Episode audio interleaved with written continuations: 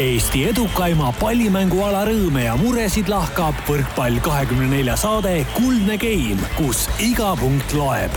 taustajõuna hoiab mängul hoogus ees Kredit kakskümmend neli tere ja rahulikke saabuvaid pühi, ütleb Mantamaja stuudiost esmakordselt laupäevasel päeval, kahekümne esimesel detsembril kõigile vollesõpradele taas Kuldse Game'i saade. saate lindistuse alguseks on kell saanud kaheksa nelikümmend viis ja mul on hea meel näha päris reaalse inimesena istumas enda kõrval reaalset maailmameistrit Rivo Vesikut. tere hommikust! tere hommikust! sa saabusid äsja Anapast treeninglaagrist, mulle alati meeldib küsida, et kuidas sul seekord läks, et kas jätkuvalt äh, oled koondise juures olemas ja sind ei ole veel minema lastud? Ei ole lastud minema, seekord oli, oli selline pikem laager äh, ja lõpp läks ikkagi juba karmiks, et äh, kas ilm läks karmiks või? ei, inimesed hakkasid hulluks minema vaikselt seal koos olles, kakskümmend päeva koos laagrit teha, füüsilis-, füüsis ja pea väsis kõigil ära, aga selle eest sain mina väga heasse vormi. nii, mis siis tähendab, et keegi oli puudu ja sa pidid kedagi asendama seal väljakul või ei, ainuke asi, mis nagu suutis äh, vähegi pead paigal hoida, oli jõusaalis käimine ja jooksmine ja asjad, et muidu oleks, oleks vist äh, katus ära sõitnud seal küll. nii et eelmise saate Argo Meresaare jutt, et ikkagi Tartu võistkonna nimekirjas ennast kinni, ennast kirja panna, on ka sinuni jõudnud, sul võib tekkida ikkagi Selverisse veel ükskord tagasitulemise mõte? no ma, ma hoian jah, ma hoian ennast vormis, vaadates nende viimase aja tulemusi, siis võib-olla varsti läheb tarvis Rivo, meil on täna neljakümnes saade selle kuldse game'i ajaloos, tundub ju päris palju numbreid, me oleme rääkinud umbes viiskümmend tundi. ja see jutt, sa tead, see jutt, mida me räägime, see teinekord ei olegi kõige mõistlikum, et need, meil on, meil tuleb kaasa tunda nendele inimestele, kes on kõik need viiskümmend tundi meid ära kuulanud. Samas on see väga tore, kui neid inimesi on, et kes, kes kuulavad kõik need viiskümmend tundi ära ja ma võin nendele inimestele öelda, et seda juttu on veel üks saja tuhande tunni jagu kindlasti jäänud meile sisse, et, et kuulake edasi. ja tihti on juhtunud ju ka nii, et saateaeg lihtsalt saab otsa ja me oleme pärast siin edasi jauranud meestega. põhimõtteliselt kogu aeg on juhtunud nii jah, võib ka öelda tihti, jah. no põhjus, miks me täna alustame seda saadet siis laupäevasel päeval, on see, et me mõlemad olime enne ära, mina olin Saaremaal, sina olid Anapas ja sina olid Iisraelis, kulla sõber, ma tuletan sulle mis ma ütlesin sulle? Saaremaal aa, noh, näed. noh, mis vahet seal on, välismaa, üks, üks välismaa kui kõik. sa oled Saaremaa võistkonna keskel nüüd kõik neli-viis päeva, siis jääbki mulje, nagu olekski Saaremaal. kas sa õ oskad öelda? Äh, öö. väga tubli. aga see Saaremaa värk oli lahe, me jõuame sellest Saaremaa eurosarjast saate lõpuosas loodetavasti rääkida, aga ma arvan, et nüüd läheme tänase saatekülalise juurde ta on Rakvere meeskonnaga aidanud kodusel võrkpallimaastikul lõhata viimase kümnenda suurima üllatuspommi. ta on pidanud Tallinnas autopesu ja rehvivahetusfirmat. ta mängis eelmisel hooajal Šveitsi kõrgliigas ja tänavu mängib Prantsusmaa esiliigas. ta on üks väheseid saarlastest Eesti tegevvõrkpallureid, kes pole mänginud Saaremaa võrkpalliklubis. ja ta on mees, kelle puhul vaikus ei ole kuld, isegi mitte hõbe ega pronks, vaid heal juhul neljas koht. ja just seepärast ta meie saatesse minu ja Rivo kõrvale valatult sobibki. tere tulemast, Kevin Saar! tere tulemast! Kust see otsekohesus sul tuleb, kas teil on perekonnas kohe mingi selline värk sees, et kõik on hästi otsekohesed inimesed, sest tegelikult ju Alari Saar, sinu noorem vend, kes mängib Saaremaa võrkpalliklubis, on täpselt samamoodi selline äh, hästi mõnus tüüp, kes ütleme, võistkonna sees kunagi nähtamatuks ei jää. võib-olla see on selline olelusvõistlus, et tahad isale-emale silma jääda, siis pead vennast kõvem vend olema, et et siis tuleb otsekohene olla ja jääda silma millegagi, kas siis lolli asjaga või midagi tarka vahest öelda. kas aja jooksul on vähemalt see muutunud, et äh, see lolli osa vähe, osakaal on jäänud vähemaks ja on seda ma olen seda jah, Alarile jätnud rohkem ja algus oota, aga kumb teist, sina oled vanem, on ju? ma olen aasta ja kaks kuud vanem. noh, siis ongi, nooremad teevadki, noored ongi lollid. Rivo, sinul ei ole nooremat äh, vend-õde? Äh, minul on noorem õde aga kümme aastat noorem. aga kui on äh, juba kümme aastat vahe ja veel äh, naisterahvaga tegu ka, siis ilmselt on ikka pigem targem, eks? kõvasti targem jah, ega siin ei olegi mingit, mingit küsimust. mul on ka vanem õde muide. nii nii, et nüüd te saate aru, miks ma selline olen, mul oli väga raske lapsepõlv ja need pikad juuksed võivad siis ka sealt olla tulnud, et sa oled alati õdede pealt vaadanud. see on puhas laiskus selge, aga Alari juba, juba läheb valesti. ma täpsustuseks ütlen, et eh, enne kui me saadet alustasime, siis Karl eh, istus ja ütles Kevinile, et no ma loodan, et ma sulle Alar, Alari ei ütle. sest jah, sai ju seal Iisraelis, Iisraelis Alariga päris palju koos aega veedetud ja, ja see, see on raske, raske värk, et sealt jäävadki need nimed külge. aga tuleme siis, Kevin, sinu selle aja juurde, kui sa lõpetasid Audentese spordigümnaasiumi. ma tean, et sa oled ühes intervjuus öelnud, et äh, sul oligi siis, siis ainult üks variant, Rakvere võrkpalliklubi kutsus sind äh, oma meeskonda, rohkem variante ei olnud, kas see tähendab seda, et poleks seda Rakveretki olnud, poleks ilmselt äh, võrkpalli võib-olla edasi mänginudki ma ei kujuta ette jah, et, et lihtsalt too, too aeg oli see, et see oli minu arust, kui ma õieti mäletan, siis üheteistkümnenda klassi lõpp ja suvel Vassiljev helistas ja ütles, et et kas oled huvitatud. ja, ja, ja ega ma ei mõelnudki selle peale, et mis edasi saab, sest tegelikult oli üks aasta veel ju Audentest jäänud. aga too aasta siis juhtus nii, et oli jah, Rak-, Rakvere tahtis mind enda meeskonda, aga sama, samaaegselt pani siis Raul Reiter välja mitte nüüd esiliiga meeskonna enam, vaid Danbauer Võru noortekoondise. et siis kahe meeskonna vahel pendeldasin too aasta ja ega ma ei mõelnudki seda, et mis saab, et kui nüüd klubilt kuskilt pakkumist ei tulnud, et no siis see ikkagi nii hull päris ei olnud, jah? aasta aega oli veel varu mm, -hmm. ütleme nii. aga noortega on üldiselt ongi nii, et ega väga pikalt ette ei mõelda asju, et tuleb, mis tuleb ja savi. nii on, jah. jah, äh, mida tähendab see, kui noorele võrkpallurile, kes siis Audentases õpib, äh, läheneb üks meistriliiga klubi, kas see tähendab seda, et öeldakse, et näed, me anname sulle paarsada eurot, tule ja mängi kogu, kogu jõust ja kogu armastusest või, või kuidas see lähenemine käib sellistel juhtudel? no ma arvan, et paarisajast eurost on asi ikka kaugel veel, et see on ikka paarkümmend eurot, sulle antakse näpu vahele ja et see on lihtsalt sümboolne raha ja tule tee, aja asja, et et tule täida, ma arvan, et esimene, esimesed kaks aastat võib-olla või esimene aasta on kindlasti see, kui noor mängija peab lihtsalt võib-olla olema selline kohatäide, et aitama trennis olema see neljas, neljas või viies see lüli ja lihtsalt täitma mingit rolli. aga siis läheb aeg edasi ja, ja, ja, ja siis roll, rolli tähtsa osakaal tõuseb ja, ja siis tõuseb ka see palganumber natuke ja mitte palju. üks-null otsa jaa, võib-olla millal sina, jaa? Ja siis nii ta läheb, et oma loogilist rada pidi, et kuidas keegi, kui palju aega sinna panustab ja millised on bioloogilised võimed ja milline on osa, nagu tahe ja nii ta jookseb. millal sina Rakverest põhimängijaks said siis? ma arvan, et kaks hooaega ma kindlasti ei olnud seal põhi, et seal oli, oligi Kaarel Pomerants oli mul ees seal kogu aeg ja siis ühel hooajal mäletan, et oli seal Tamme oli mul ees ja Sintov, aga siis äh, sealt edasi millegipärast Urmas lükkas Tamme liberoks ja siis sealt nagu läks see asi lahti minu jaoks, et hakkasid tulemused tulema ja hakkas enesekindlus tõusma ja siis mingi hetk ma lõhkasin ka selle, või siis me lõhkasime selle pommi ka siis Põlluääre ja Uuskülaga, et no tuleme siis sellesama kahe tuhande seitsmeteistkümnenda aasta kevade juurde, kas tänaseni on see Balti liiga võit, ütleme siis õigete nimedega vist, kas tol hetkel ei, siis ei olnud veel Grade kakskümmend neli meistriga, siis oli mingi saja liiga. oli saja liiga või? Või Schenkerliga, ütleme, et kõik need nimetused igaks juhuks ära, siis on Schenker, Schenkerliga kindlasti ei olnud. siis on saja liiga, saja liiga., teist toetajat ei ole olnud vahepeal. väga hea, et kas see on sinu karjääri tippet tänase päevani? kuule, Credit kakskümmend neli Champions League selge, ma ütlen kõrvalt, Kevin võttis praegu ke-, käekella välja ja luges sealt, nii et see oli, see oli juba ja. see aeg, nii. see käekell kusjuures ei ole kaks nädalat töötanud, aga see on lihtsalt Ai. reliikvia või ütleme siis nii, et hinge lähedal. selge. Kas nii. Äh, Prantsusmaal palgaga probleem, et ei saa kellasid lubada?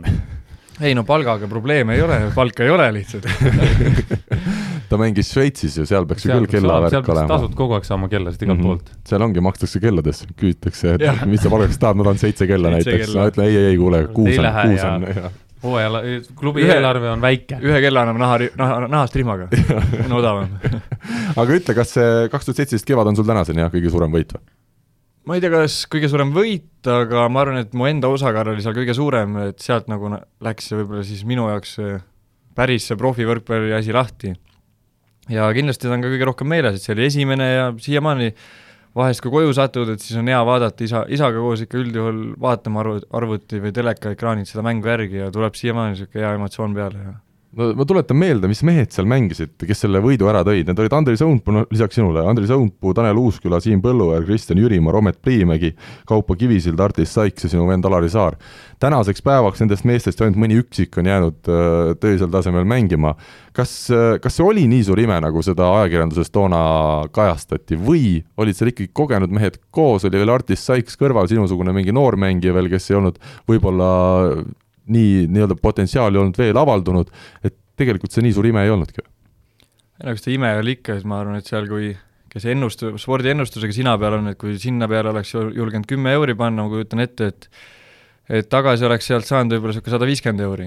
et, et, et ime oli ta ikka, aga kuidagi see Rakvere meeskond oli, oli selline meeskond, et äh, seal tuli palju sellise emotsiooni pealt et võib-olla need oskused ja asjad, et noh, võrkpalli oskame me kõik mängida, aga kes nüüd oskab natuke paremini, kes natuke halvemini, aga tuleb nagu emotsiooni pealt, kui seal jooksma hakkab, et siis võib kõik, siis sa võid seal kurat se-, seniidiga ka mängida, ma arvan, et seal umpu võib vabalt mängida seniidiga. selle koosseisuga võib ükskõik kellega mängida yeah., ükskõik mis võistkonnaga, kui neid nimesid nüüd vaadata, Jürimaad mehed, Jeesus, see on kõva punt sirgete jalgadega mehed kõik seal ju äh, ja sirge, sirge seljaga sirge pärast seda võitu ka kindlasti. kas Urmas Tali tol hooajal tegi ikkagi midagi väga õigesti, oled sa tagantjärele mõelnud, äh, oli see tema ikkagi, kes selle meeskonna mängima pani või ütled sa pigem, et need mängijad ise oma kogemustega lõpuks võtsid selle võidu ära? no mina noore mehe, mehena ei tea seda, et et mina ütlen, et Urmas pani mind mängima, aga võib-olla Andris või Jürimaa ütleb, et Urmas ei teinud seal enam midagi, et nende jaoks oli need treenerid juba te-, tre-, eelmised treenerid oma töö teinud, et et, et, et ei, minule väga meeldis Urmasega koos töötada, ma tean, et too hooaeg meil oli ka väga palju lahkhelisi omavahel, aga minu arust peale seda võitu need lahkhelid kuidagi kadusid ära ja ja sellest ajast peale meil on väga hea omavaheline läbi, läbisaamine ja arusaam, ma arvan, see on mm -hmm. minu, minupoolne, minupoolne hinnang, et mina saan temaga hästi läbi, et kuidas tema minuga läbi saab, seda ma ei tea aga vabal ajal selle meeskonnaga, kas te olite ka koos või te olite ikkagi kõik sellised töömehed, koolimehed ja teil vaba aega koos veeta ei olnud ka aega? olime ikka koos, et tegelikult seal oli päris palju selliseid ühiseid huvisid ja asju ja ja see punt oli lahe, et seal olid äh, ikkagi, hoidsime üllatavalt palju kokku ja sellist äh, ühistegevust oli palju, et äge punt oli. lõppes see siis suure peoga või? ei mäleta järelikult jaa väga hästi vastatud. seda, seda, seda ma tean, et järgmine hommik, äh, see oli, Võrus on mingisugune ööbimiskoht, mõisaait mõisaaidas, kui jalanõusid tahtsid jalga panna, siis pidid kukkuma, sest jalan ei tahtnud põranda küljest lahti tulla. see, selline asi on meeles. Rivo, palju sul selliseid hetki on tulnud, kus äh, on ka siis suured võidud tulnud ja sinna kõik see järgnev? Need jäid noorusesse? Äh, jah, need jäid väga-väga ammusesse aega, et ma just siin äh, Venemaal olles tegi, kirjutasin oma siis sportlase ja treeneri sellist CV-d, kui võib nii öelda. ja, ja need võidud kõik, mis olid, lõppesid suure peoga, vabandust, mis lõppesid suure peoga, need ikkagi jäid sinna üheksakümnendate lõppu, mis toimusid Eestis, et üheksakümnendate lõppu, kahe tuhandete algus. et mingi hetk sai hakatud ikkagi sporti tegema rohkem ka, et aga oli ka selliseid hetki, kus jalatsid ei tulnud või jalad ei tulnud maa küljest lahti, et äh, et ilmselt sellest ei ole meist keegi pääsenud. ma küsin sellise asja, Rivo, ennekõike sinult, aga Kevin, miks mitte ka sinult, et äh, on jätkuvalt ju inimesi ja võib-olla isegi rohkem, kes ütlevad, et tippspordi juurde selline kõva pidutsemine ei tohiks käia. samas, nii palju kui mina olen rääkinud inimestega nii mööda minnes kui ka võib-olla intervjuude käigus sportlastega just, öeldakse, et selline asi, et sa pead mingil hetkel seal need pinged maha saama, et see on ikkagi, see tuleb kasuks. Väga suures osas tuleb kasuks, loomulikult tuleb mingisse mõistusse, mõistuse piiridesse jääda ja need kogused ja, ja see periood või neid perioode ei saa väga palju olla hooajas, aga need on tähtsad asjad, mis tihti ka liidavad võistkonda. Äh, jah, eks neid võistkonna, just, just nagu võistkonnaspordis, äh, mina arvan, et neid võistkonnaüritusi peab tegema, et mis kujul nad siis on, kas need on ma ei tea, käiakse paintball'i mängimas või saunas, et äh, see on juba igaühe enda teha, aga kindlasti äh, kindlasti on see, on see üks osa ja, ja üks oluline osa, et me teeme samamoodi üritusi, et, et aga ma ütlen veel kord, ma olen seda ilmselt öelnud juba mitu korda, et sellest ajast, kui mina hakkasin mängima, eh, on sport Eestis, võrkpall ja maailmas rannavõrkpall on muutunud nii palju professionaalsemaks, et täna minul, kui, kui noh, ütleme Andrei Ojamets või Aavo Keel on ju, kes olid minu treenerid, kui mina noor olin Äh, siis nemad ne,, nemad võisidki muretseda, et kui nüüd vaba päev on, et mis siis nüüd saab. mis sellest kuradi Nõmsalust, Vesikust ja sellest pundist seal saab, on ju. Et nemad võisidki muretseda, täna mina ei muretse, sest ma tean, et eh, inimesed on, ongi saanud kordades professionaalsemaks, et võistkonnaüritusi tehakse, aga neid tehakse täna teistmoodi kui, kui kunagi varem, kuidas sul, Kevin, Šveitsis ja Prantsusmaal, kas seal ka mingit sellist äh, ühist värki on? ikka see käib, ma räägin, nagu Rivo ütleb, et see käib meeskonna juurde ja see on selle vaimu ja meeskonna ühtsustunde tekitamise väga suur oluline osa, et. Aga eks igal asjal on oma aeg, et et ikka päris iga nädalavahetus ei saa nii teha ja, ja, ja ütleme nii, et ma võin, ma oskan enda kohta öelda seda, et, et siis, kui mul ongi puhkeperioodid ja sellised noh, nüüd praegu on puhkus, et siis praegu on kõik korras täna hommikul? jah, praegu on et aga siis puhkuseheli peab olema, et käib see pšš ja et selleks on oma aeg ja oma koht ja ma arvan, et see just, just nagu see rihma lõdvaks laskmine, et see tuleb nagu kasuks mingil, mingil ajaperioodil, et need tahes-tahtmata need pinged ja meeskonna sees ja kõik need tunded, need keevad üle, aga nagu ka Rivo ütleb, et, et profisport on nagu läinud teisele tasemele, et kõik mängijad nagu teavad ikka, et kui on sul tsükkel, mitte nüüd joomistsükkel, aga mängude tsükkel, et, et siis ikka seal vahepeal nagu ütleme, ei ta-, ei tasuks seda pidu nii metsikult panna.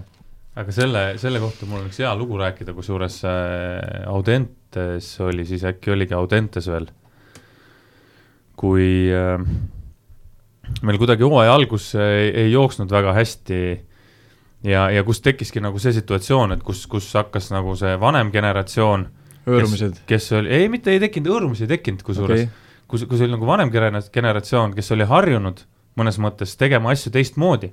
et oligi nagu võistkonnaüritused, on ju, ja siis oli see noorem generatsioon, kes hakkas nagu minema nagu profisportlasteks, kes selliseid asju ei teinud, nad ei olnud seda kunagi teinud.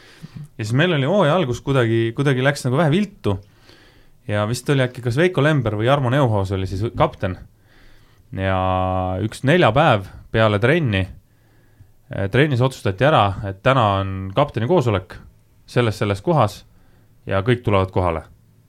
teeme väikse õlle ja räägime asjad sirgeks, et mis on ja mida, et miks, miks nagu nii läinud on, ilma treeneriteta, vabas õhkkonnas, meil oli vaba nädalavahetus, meil oli järgmine päev oli hommikul trenn, on ju, või siis õhtul oli jõusaalitrenn ja siis oli vaba nädalavahetus.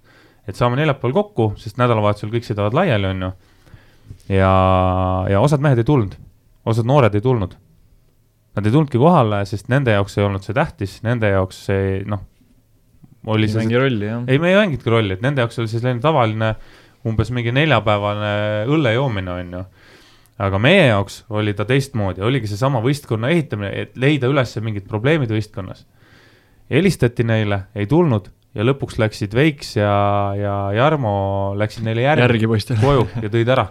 ütlesid, nii on ja nii peab olema, et niikaua, kui me siin oleme, niikaua me seda teeme ja peale seda, kusjuures, see oli väga tore õhtu, väga tore õhtu oli. ja peale seda äh, läks meil, hakkas mäng minema paremini. Sujus koostöö, inimesed said üksteisest paremini aru, inimesed õppisid nagu üksteist paremini tundma ja, ja läks, läks paremaks. tekkis äkki selline relax sinna väljaku peale, et ei, ei, ei olnud jah, sellist võimalik, aga, aga oli kas seal öeldi ka välja siis mingeid asju, et näed, et äh, kuule, et sa mängid liiga kiireid tõsteid või, või mingid niisugused asjad, et, äh, et mängijad said nagu rääkisime ära, noh, algul ikka nagu istuvad seal, kõik istuvad vaikselt, on ju, aga mingi hetk läksid siis äh, häälepaelad valla ja, ja kolmanda, kolmanda õlle pealt. Umbes nii jah, et räägiti ära, et kõik, mis meeldib ja mis ei meeldi just, see et, osa, see teine pool on kõige tähtsam. jah, et siis, siis saadi nagu aru, et mis tegelikult toimub mm. -hmm. räägiti ka treeneritest, et näed, et mulle ei meeldi nagu see ja mulle ei sobi see ja, ja ma, ma teeks nagu neid asju teistpidi. ja pärast siis kapten äh, läks ja rääkis treeneritega otse, et kuulge, et äkki prooviks mingit teist lähenemist natuke nende meestega, on ju. ja, ja asi toimis, noh meeskond rääkis omavahel asjad ära ilma suurte bossude juuresolekuta, et äh, väga hästi toimis. Kes see treener tol hetkel siis oli, Aavo või? ei olnud Aavo, ma ei mäleta, kas oli äkki, kas oli äkki see soomlane või? ma ei, ma ei mäleta, ma tõesti ei mäleta. aga neid noormängijaid, kas nendest tuli lõpuks mängumehed või? jaa, väga kõvad mängumehed kusjuures ahah, seda sa praegu mingeid eesnimesid näiteks ei, ma ei hakka rääkima jah, eks nad ise teavad, kes need olid järgnevalt, kui saatesse tulevad need äh, inimesed, keda mina ja Kevin ilmselt praegu väga hästi ei tea, siis Te teate väga hästi. mind võib-olla ei olnudki. ei, ma mõtlen selles suhtes, me ei tea, kes need nimed on et siis, äh, siis võivad ise tulla selle teemaga lagedale. võivad, kui on tahtmist. kui nad mäletavad seda muidugi Kevin, sa mängisid pärast Rakveres mängimist äh, Pärnus Aavo keelega ajal.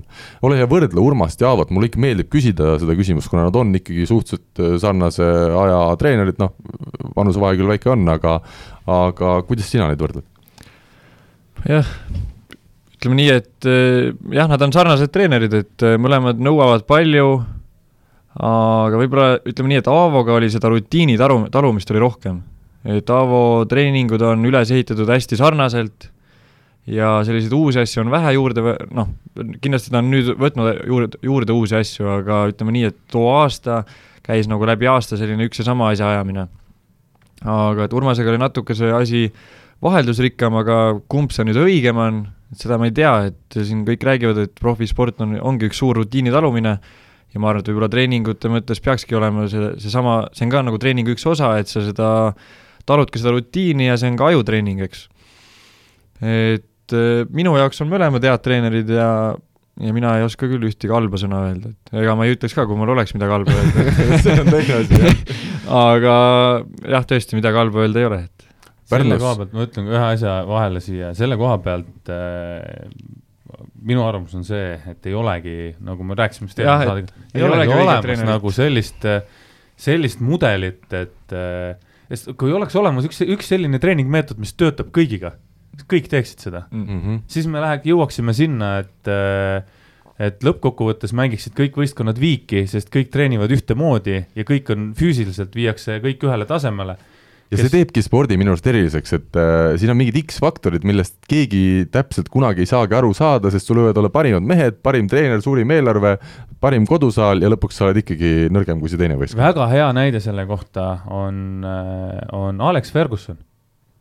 müstiline inimene, nagu noh, kas ta siis tegi nüüd nii väga teistmoodi midagi trennides, mida keegi ei tea peale tema, kui kõik need teised treenerid, kes seal Manchester Unitedis peale teda on olnud, on ju vist isegi kuulus Murillo ja kes seal kõik, kõik on olnud sealt läbi käinud. Louis van Gaal ja, ja David Moyes. keegi ei ole jõudnud selliste tulemusteni.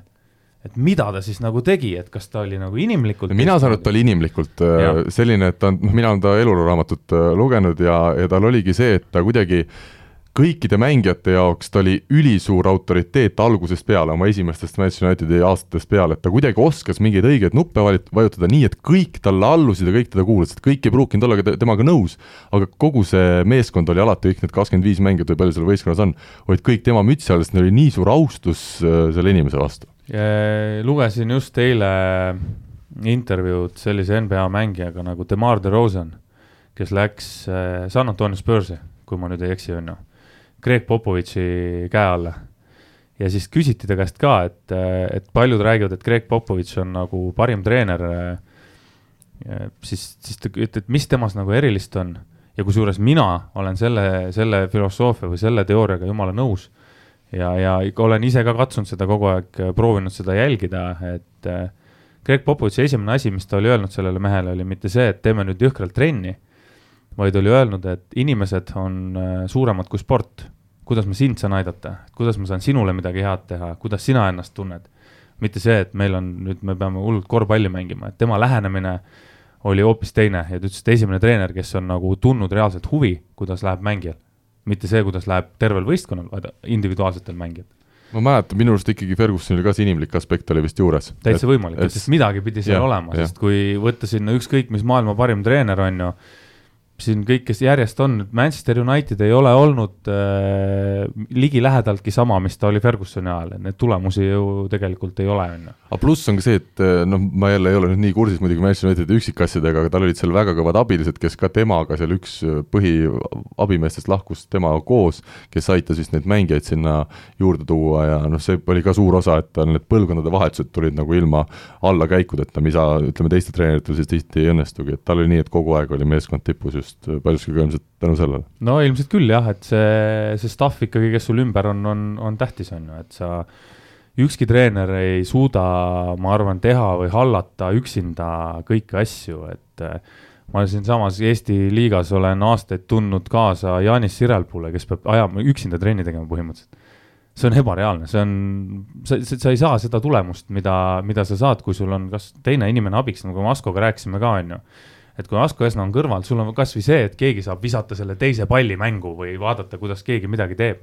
kusjuures just lugesin eile või, jah, lennujaamas eile lugesin Aleksander Eermaa intervjuud ja ka tea, tema mainis seal, et Asko Esna tulekuga on nagu uus hingamine, uus nägemine, nägemine asjal või nägemus, et et äh, üks treener lihtsalt ei suuda, ei näe kõiki neid asju, et seal on vaja kedagi kõrvale, kes toob mingit värskust või siis just teist aspekti juurde, et mingi teise nurga alt vaatab seda asja, et jah, kes näeb mingi hetk öelda, et kuule, et äkki proovimegi natuke teistmoodi, et muidu ja. sa, kui sa üksinda teed aastaid, aastaid, aastaid järjest, et sa jäädki nagu ühte kohta kinni, noh, sa ei suudagi seda asja nagu väljastpoolt mm -hmm. vaadata mul, mul on ka palju erinevaid treenereid olnud ja erineva käekirjaga treenerid, et äh, näiteks rääkisime Aavost ja Urmasest, et minu jaoks, et kõik räägivad, et Aavo on terava keelega, aga minu arust, noh, võib-olla ma olin noorem too hetk, aga minu arust Urmas oli nagu karmim treener, vähemalt minu suhtes ja nõudlikum.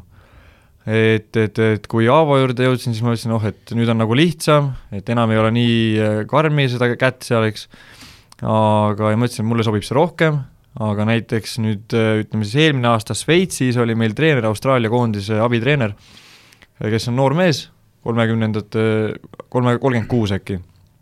nojah, ikkagi vanamees. kui me Rivot vaatame. jaa, kui me Rivot vaatame minu kõrval on ta ikka poisike veel. jah, et, et, et tema käekiri oli selline, et äh, hästi easy going, et äh, läheb nii, kuidas läheb ja ega seal nagu sellist karmi häält ei tulnudki, ma arvan, terve hooaja jooksul. ja siis nüüd äh, ütleme nii, et mängisin ka seal hästi.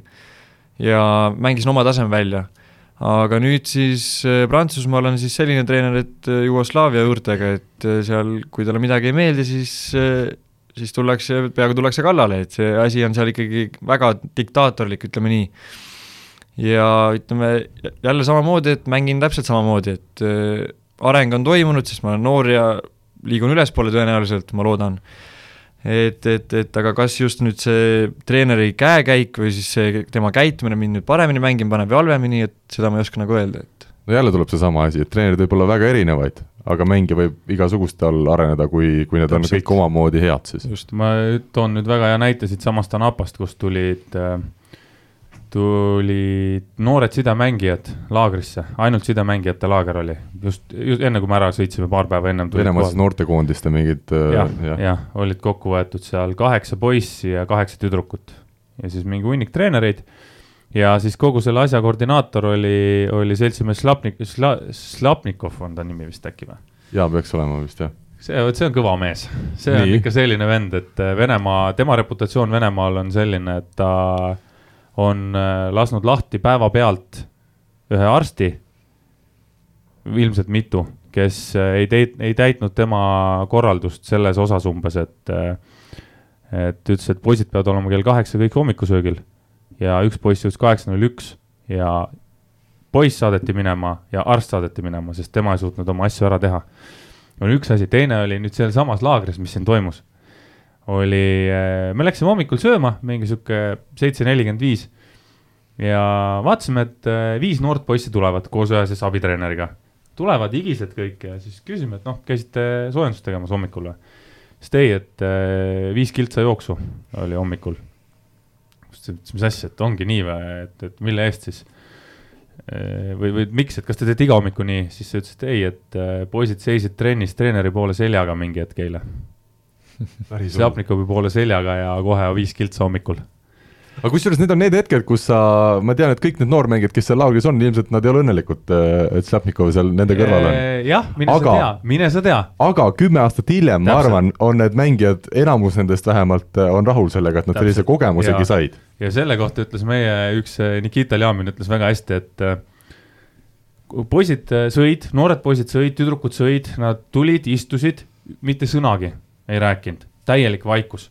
sõid, ootasid, kuni kõik on ära söönud. pealik tõusis püsti, ütles, et võite minna. kõik tõusid püsti, korrastasid nõud kokku, viisid minema. meie tulime, lällasime seal, rääkisime juttu. ja siis ükskord hommikusöögi ajal äh, me seal rääkisime juttu, naersime midagi ja tuli see Slapnikov sisse. ja Nikita jäi järsku nagu poole sõna pealt jäi vait.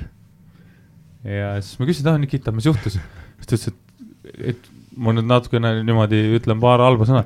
kurat, et selle mehega on ikka nii, et isegi kui tal sinuga mitte mingit pistmist ei ole, siis korraks tõmbab ikka sõnad kinni küll, kui sisse astub, et mine sa tea, mul ka hommikul jooksed siin viite kilomeetrit, et ma ei taha seda ehm, mis me rääkisime enne, kui me selle teema juurde tulime siin äh, jälle treeneri teema juurde, oli see, et äh, sa mängisid Pärnus ja tol aastal, kui sina seal olid, te vist midagi ei võitnud. jah, teiseks jäime küll kuskil, kas see oli kari-, karikas äkki teiseks, oli see Saaremaal kar-, Saaremaal ma arvan, et oli, see oli enne jõule mm, -hmm. enne uut aastat. et seal, kus Tammearu tegi väga hea mängu seal veerand, poolfinaalis.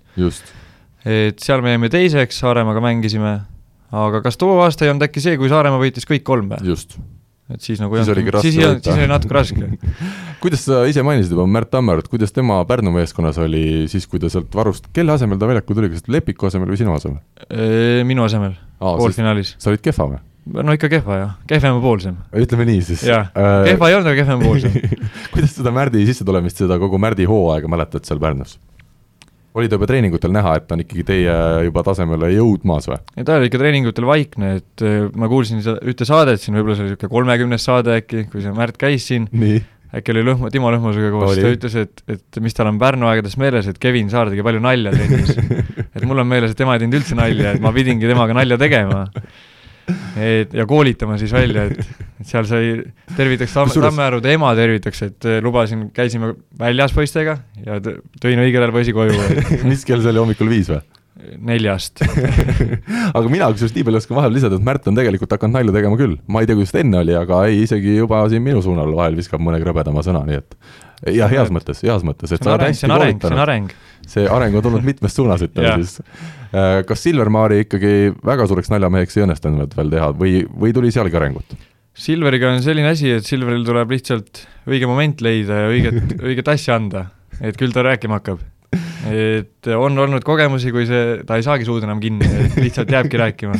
kusjuures äh, minul on jälle selline kogemus, et kui öeldakse, et äh, Silver on tänaseni väljakul, noh, kui me siin Eesti koondise perspektiivis vaatame, liiga vaikne, minu arust intervjuusid ta annab väga okeilt, arvestades veel seda ka, et ta on ju tegelikult hästi noor inimene ja mängija, et et mina nagu väljaku kõrval tegelikult ei näe, et Silver oleks kuidagi eriliselt vaikne. aga miks ta nagu vaik-, mis tähendab, mis see tähendab, et ta on vaikne, kas ta peaks rohkem nagu ei, väljakul, väljakul peaks nagu karjuma võib-olla rohkem. ruulima seal mingeid asju pulli tegema võib-olla või? ei no ei, tegelikult ilma naljata. ei tea no,. Mina... mida, mida siis tähendab, et minu arust on, minu arust näiteks Alar Rikberg läheb natuke üle piiri mingitel hetkedel seal äh, oma žestidega oma mängijate Rait. poole. või Alar, Alar, Rait. Alar läheb ka, selles suhtes ma Alar läheb ka või Alar on kogu aeg üle piiri, ta ongi piiri peal kogu aeg, seal üle piiri. aga Rait jah äh,, aitäh, Kevin, et sa parandasid, et äh, äh, Rait läheb natukene minu arust üle piiri mingi hetk mm. -hmm. oma no. ütlemistega mängijatele, oma nende käežestide ja asjadega. no seal on et... tegelikult see vahe ka vahel, et üks mees on kolmekümne, kolmekümnendate lõpus on Rait, ma arvan. ei, minu, minu küsimus et... on see, et kas see libero peab seda tegema mm. -hmm. ma saan aru, et libero peab mingi hetk nagu seal sättima paika mingeid asju, on ju aga, aga kas libero peab olema see mees, kes käib ja ütleb, et kuule, mis sa nüüd siin tegid? ei, mina saan aru, et libero peab olema oma omadustelt vist selline mees, kes kuidagi kontrollib seda tagaliini, et tema sa tunned, et tema kõrval on sul kindel olla. see, kas Rait muidugi pärast punkte kellelegi liiga kriitiline on, see on mu arust natuke nagu teine teema, ma mõtlen, pigem on siin mõeldakse seda, et et kui on kaitseliin ja Rait on seal kolmeses vastuvõtuosakonnas, siis on tema puhul hästi täpselt kindel, kes, kus, kuidas peab olema äh, võib-olla. no ei, jah, ei no kindlasti, aga siis, siis tähendab seda, et Silver peaks nagu ütlema, et davai, et võtke sinnapoole. jah, kuidagi rohkem seda, kontrollima võib-olla. Teie tehke seal oma asja. ja ega ma olen Silveriga ju koos mänginud ja ma tean ju, et ta teeb need asjad ära, et ta teebki täpselt need asjad ära, mis talt küsitakse, et ta teeb miinimumsõnadega maksimumtulemuse mm. -hmm. et, et ta, tegel... ta ei, ta ei ütle ühtegi ülearust sõna sinna vahele, et kui ta ütleb, et vasak vahe mängib, siis nii on. et ta ei ole see, et nüüd hakkab seal veel rääkima moraali, et kui näed, serv tuleb viie pealt, et siis peabki vasak vahe mängima et need ongi võib-olla need erinevused Raidu ja Silveri vahel, et Rait kipub võib-olla rääkima siis nagu ka ülearust juttu või siis no ütleme siis mitte ülearust juttu, aga muud juurde. aga muud juurde jah, et mis võib-olla on ka tähtis, aga kas see on just too hetk nii tähtis, et aga nii, et sina ütled, et sina Silveri puhul ei täheldanud seda, et tal oleks nagu, ütleme, probleem oleks see, et ta liiga vaikne on seal väljakul, et sinu arust ta tegi nii-öelda oma, oma osa täitis ära? jah, ma arvan, et ta saab oma asjadega väga hästi hakkama ja noh, kas ta nüüd parem on kui Alari Saar, seda ma ei tea, aga Silver saab oma asjadega hakkama. selge, me tervitame siin nii Silverit kui Alarit ja läheme saate järgmise osa juurde küsimusmängu toetaja on teamshield.com oma disainiga spordi ja vaba aja riided nii, ja nüüd me võtame ette küsimusmängu ja eelmisel nädalal käisid meil siis külas kaks kuulsat meest, Alar Rikberg ja Argo Meresaar. ja me uurisime, et mis aastal mängisid, eh, mitte mängisid, vaid kuulusid eh, Alar ja Argo esimest korda koos Eesti rahvusmeeskonda. õige vastus oli kaks tuhat viis see aasta ja meil on kümme õigesti vastajat, oli ka valesid vastuseid, aga me anname Kevinile võimaluse ühest kümneni üks number. teeme siis kolm. teeme kolm, Ants Lindre, palju õnne, võrkpalli kahekümne nelja ärilahendusega spordisärk on nüüd sinu oma kas sul on ka valesti vastajate nimed olemas? ei ole see nime, nimi, keda sina siin tahaksid pakkuda ei, kas sul on olemas valesti vastajate nimekiri? mul on need emailide peal ja, ja Facebookis. okei okay,, teeme nii, et järgmine nädal võtame ka valesti vastajatele, anname okay, auhinna. okei okay,, väga hea, vot sihuke asi mulle meeldib. iga vastus on ikkagi vastus, nagu on klassikud öelnud. nagu on Andres Sõber öelnud, iga vise on, või ka möödavise on hea vise. sest hea, et sa üldse jõuad nii kaugele, et sa viskele jõuad. nii et äh, tänase siis saatemängu küsin kõik, kõik, vastake kõik inimesed suvaliselt kasvõi. ja uus küsimus on meil siis ka siin välja pandud teile ja küsime seekord sellist asja, mitu treenerit alates noorteklassidest on Kevinil kogu karjääris klubi tasandil olnud? klubi tasandil ehk siis koondise äh, asju me ei arvesta ja me arvestame siis ainult neid peatreenereid, alates täitsa esimesest treenerist võrkpallis, kes sul oli, kes siis on olnud ja abitreenereid me ei loe. ja neid treenereid siis saab kirja panna numbri, me ütleme ainult numbrit on meil vaja. jah, ega nimesid vist ja te, aga teeme, teeme nii, et äkki nagu vihjeks. nii? Kevin ütleb, kes oli tema esimene treener. vihjeks lihtsalt ja, nagu rahvale, siis, siis läheb kergemaks see arvamine et siis on kindlasti, siis, siis on kindlasti üks olnud. üks on olnud ja et, ja, ja siis läheb kergemaks arvamine ka, ma arvan. et esimene treener oli mul kuu aega täpselt ja tegu oli Poopu Annega. no vot kohe hakkas kergem. jaa, mina, minul nüüd järgmine, järgmist ma tean ja ülejärgmine jah, noh. sealt läheb nagu jada pidi üle, jah. just no., see on nüüd hästi lihtne. nii et pange ainult vormistamise küsimus, pange need vastused info, et võrkpall kakskümmend neli punkt ee või võrkpall kahekümne nelja Facebookile sõnumitesse ja tõesti, nagu Rivo ütles, seekord on tore, kui vastate õigesti, aga ei ole ka üldse hullu, kui paned täiesti mööda mingi loov vastus, loov number, kasutage oma sellist toredat mõtlemist ja järgmise nädala saates saame siis äh, auhindu välja loosida jälle. ja tegelikult võib-olla, mis natuke aitab veel kaasa, on see, et mainin ära, et alustasin võrkpalli mängimist seitsmeaastaselt. praegu ma olen siis kohe-kohe saamas kakskümmend viis, et äkki see natukene aitab, aga ma arvan, et ei aita. ära liiga palju vihjeid anna, muidu läheb liiga lihtsaks. väga hea, meil on aeg minna järgmise teema juurde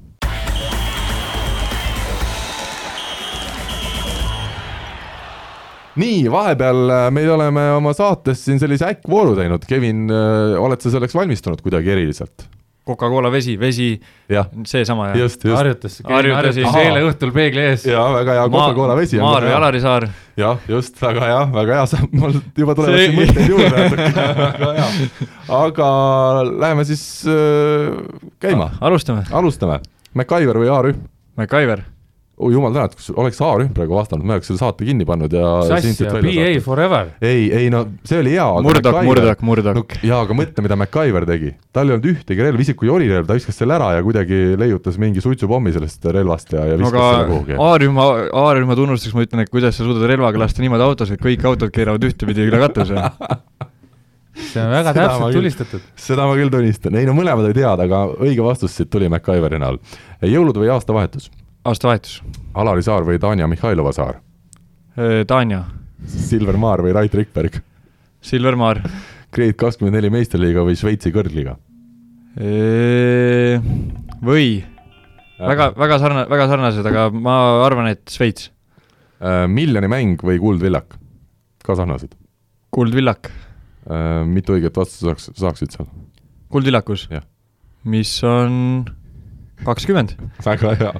Rivo Vesik või Janis Sirelpuu? Vesik yeah! õige vastus, aga õige vastus on, mis on Rivo Vesik? mis on Rivo Vesik? kes on? mis on? mis on? või mis on? iluuisutamine või freestyle suusatamine? Freestyle suusatamine. ja lõpetuseks, kes tuleb Eesti karikavõitjaks kaks tuhat üheksateist meestest? meestest? Saaremaa. ja naistest? kes mängivad? Tartu mängib. Tartu ja, ja TalTech. Tartu poolt aa, Tartu poolt, ma küsisin, kes võidab, mitte see, kumma poolt siis Tart-, Tartu võidab. väga hea. kas lähed ise kohale ka, kahekümne üheksandal? Lähen, lähen. kas teil. Prantsusmaal, kas sul lõpetati leping ära või kuidas sa nii pika puhkuse said? võtsin palgata puhkuse kaks nädalat ja teisel jaanuaril tagasi. sinisele lehele. selge äh,, aga väga hästi, minu arust sai hästi vastamise hakkama, Kevin. jah, head vast-, õiged vastused olid jälle kõik. kõik oli, kõik olid õiged, jah. meie saates ei ole veel ühtegi valet vastust antud. jah, see, see, sellepärast me seda saadet teemegi. aga läheme edasi, mis siin ikka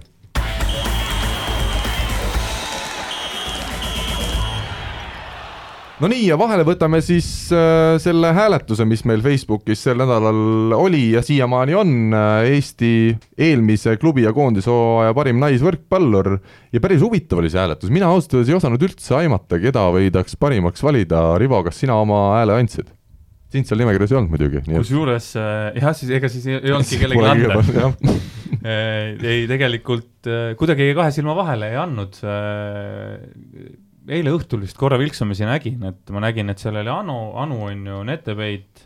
vot Netepeiti sa nägid võib-olla kuskil mujal, aga unes kes, kes see teine peit oli seal äh,? ei, ei Netepeit oli selles suhtes valikus küll, aga ta ei olnud äh, topis aa, ei, no ma kuskil nagu nime, nimi jooksis läbi, ühesõnaga äh, ja, ja teisi näinud, noh, ma korra nagu jooksis no aga hakkame võtma siis, kolmas koht, Kristi Nõlvak, kakskümmend viis häält, Kristi oli ju selles suhtes EM-il ikkagi eriline naine, et ta oli põhinaistest ainus, kes mängis tol hetkel äh, Eesti liigas ja, ja mängib siiani ju Eesti liigas.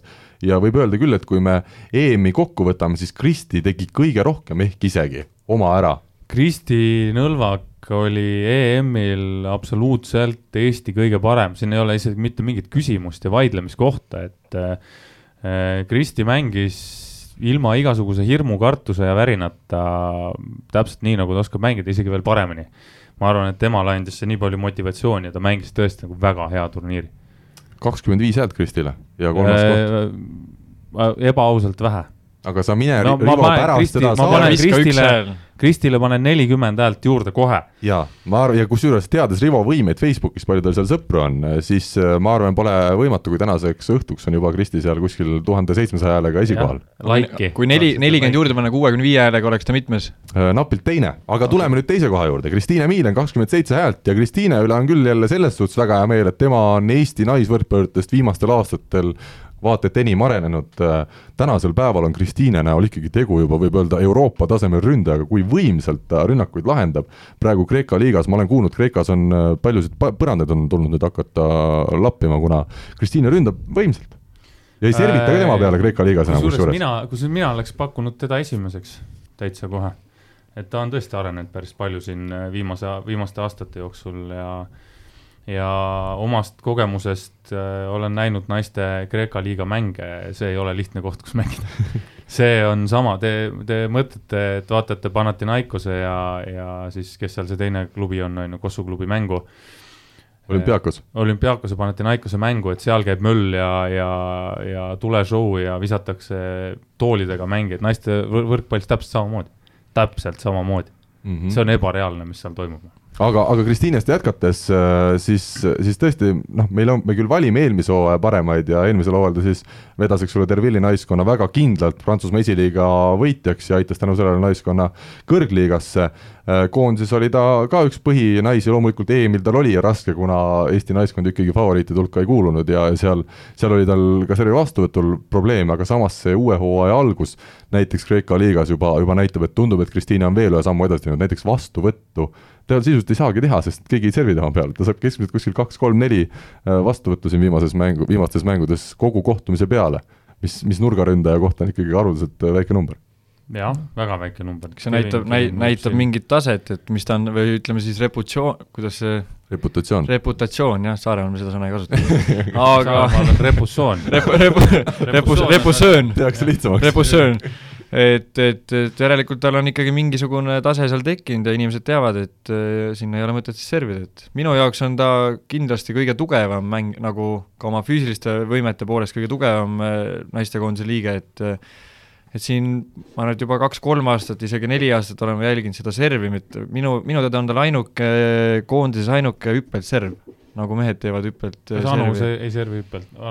ei, vist pani planeerivat EM-il ma arvan, et tal on, Kristiinal on ainuke, et noh, muidugi see tänapäeva võrkpall naistes liigub sinna suunas, et siin ikkagi meeskonnas on enam-vähem pooleks juba, et on kolm-neli hüppelservijat ja kolm-neli planeerivat, et aga tema seda teeb ja ta on tugev ja ja ma arvan, et tal on veel küllaga minna, sest minu arust ei ole ka kõige vanem, vanem, et ta on ikkagi noor, noor mängija. on Kevin ütles praegu väga hästi, et naiste võrkpall liigub sinna suunda, et meeskonnas meeskonna poole. Lähebki, ma vaatasin, ma vaatasin seda, vaatasin seda naiste klubide maailmameistrivõistluste poolfinaali natukene ongi. ta on ikkagi sihuke tänapäevase maailma tipp, naiste võrkpall on üheksakümnendate alguse Eesti meeste võrkpall, ütleme nii. jõhker paugutamine käib. ja just jah, et paugutamine käib, et vahe on hakanud sellest tulema, et kui, kui meeste mängu jälgida, et siis on selline pall käib võib-olla kaks-kolm korda üle võrgu. et vanasti oli alati jutt, et naiste võrkpall, pall käib kakskümmend, kolmkümmend korda üle võrgu, aga et minu arust nüüd on ikkagi telekasõbralikumaks läinud see asi, et kolm korda käib üle võrgu ja siis on ikkagi üldjuhul punkt, et on nii-öelda siis meeste mängule sarna-, sarnasemaks läinud see mäng ja kiiremaks ja tugevamaks, et aga enne, kui me läheme siis esimese koha juurde, siis ütleme, kes auhinnalistelt kolme parema koha poodiumilt siis jäi eemale, Nete Peit oli meil neljas üheksateist häälega ja Kertu Laak alles viies kaheteist häälega, minu arust Kertu selline viiendaks jäämine oli natuke üllatav, aga nagu me teame siin Facebookis, tihti sõltubki ka natukene sellest, kes, kui palju sul sõpradest on selle hääletuse peale sattunud, aga Kertu tegi ju tegelikult väga hea hooaja Soomes, oli Soome võib öelda parim ründaja ja Salo naiskonnaga võitis Soome meistritiitli. lisaks oli ta ikkagi EM-il ka meie põhidiagonaal ja neljas koht siis Netepeit, kes EM-il kas kolmkümmend üks punkti tõi ühes kohtumises, et Eesti naisvõrkpallurid selliste numbriteni nii suurtes mängudes ei olnud varem jõudnud ja, ja kindlasti väärib ka tema äramainimist Eesti naised pole, aga Saaremaa neiud. no vot. et see on, see on ikkagi, seal on vahe vahel, meri vahel, seal on meri vahel ja esimene koht siis äh, võib-olla ka Rivolt selline väike mingi heliline, heliline etteaste enne seda esikohta. noh kes võitis? Anu Ennok, kuuskümmend üheksa, ei saa siin sinu see heli, heli võitis praegu minu arust, aga Anu Ennok tõesti kuuskümmend üheksa häält ja ja mulle tundub, et inimestele kuidagi mõjus sümpaatselt see, kuidas Anu justkui oli juba koondises jäänud varumängijaks ja natukene nagu mõni juba kandis maha, et meil on siin tulemas Peit ja Miilen peale ja siis oli EM ja Anu võitles ennast Anu siis selles Andrei Ojametsa naiskonnas põhitegijaks, sai lõpuks nurgaründajatest kõige rohkem mänguaega EM-il ja hoidis seda vastuvõttu meil korras. Anu äh, Ennok on, võib öelda, et Eesti naistekoondise veteranmängija siis ja. täna. see ja üldse Anu, kui sa kuulad, siis see ei ole üldse mitte pahapärast öeldud, et et Anu, noh, ta on stabiilne ja ta on ju nii pikalt mänginud ja ta kogemusi on, et ta, ma arvan, et kui mõne mängija võib-olla lööks see nagu rütmist välja, et sind algul ei võeta, siis vastu, Anuga vastupidi, et tema töötas oma asja nimel edasi ja, ja tegi oma ära, et palju õnne eh, siis Facebookis hääletuse esikoha puhul. Ja mina ütlen nii palju, sa väga hästi tõid välja, Anu on kahekümne seitsme aastane, tõesti, ta on üks kogenumaid koondise liikmeid, et kui me seal oleme rääkinud, Eesti naistekoondis võib-olla muutub selles suhtes nõrgemaks, et meil on mitmed mängijad tulnud tagasi kodumaale mängima, siis teisast, teisalt kui me vaatame neid põhinaiste vanuseid, siis justkui peaksid need kõige paremad aastad veel ees olema, eeldades, et Kertu Laak ja Kristiina Miilen, meie nii-öelda rünnakuliidrid, äh, lähevad veel ikkagi aastatega natuke paremaks. Kindlasti jah, Kertu Laagi puhul on muidugi see, et kui palju ta saab mänguaega, on, on küsimus, et äh, Keviniga natuke siin enne, enne, enne saadet arutasime ka meestekoondise sama asja, et äh, Robbie pingi peal ja et noh, see, see on nagu küsimus, et see on igal juhul äh, küsimus, et kui palju seda mängutunnetust keegi saab, et äh, et ei ole, sa võid olla maailma parimas klubis, on ju, teha trenni seal ja möllata ja kui sa mänguaega ei saa, siis seda mängutunnetust, noh, ta ei tule nii kiiresti mä-, jah, mängijal on mängupraktikat vaja, et ja. ja ma arvan näiteks, et selle Anu, Anu kasuks ka räägib see, et teda nagu usaldatakse ja kuna ta on veteran mängida, mängija seal, et siis oota, ärme ka... ütle veteran, see on kole sõna. kahekümne seitsme aastase naisterahva kohta ma ei tahaks veteran öelda. noor, noor pensionär koge-, kogenud kogenud noormängija. jah, noormängija. et eh, ma arvan lihtsalt, et eh, isegi kui Anu ei mängi kõige paremini, siis teised tema kõrval hakkavad tänu Anule paremini just, mängima, sest just, ta annab seda just. turvatunnet või kuidagi sellist nagu külg külje tunnet annab juurde. ma arvan, et see võib nii olla. ütleme siis nagu öeldi Erki Kivinuka kohta, noor perspektiivikas, isegi siis, kui ta oli kolmkümmend kolm veel. ja, ja nüüd ma tuletan meelde, kuna meil on kuulajad, kes äh, siis, kui Erki Kivinuk oli oma karjääri tipul, polnud veel sündinud, võib-olla vanemadki polnud veel siis sündinud, et tegu oli endise Eesti korvpalluriga, kes väga hästi kaugelt viskas. väga hea korvpalluriga kusjuures jah, andek, andeka väga hea korvpalluriga. noor, siiamaani on noor ja talendikas. ja nüüd ta on pea viiskümmend ilmselt kuskil. jah, jah, on. selge, aga selle hea mõttega on meil hea minna saate järgmise osa juurde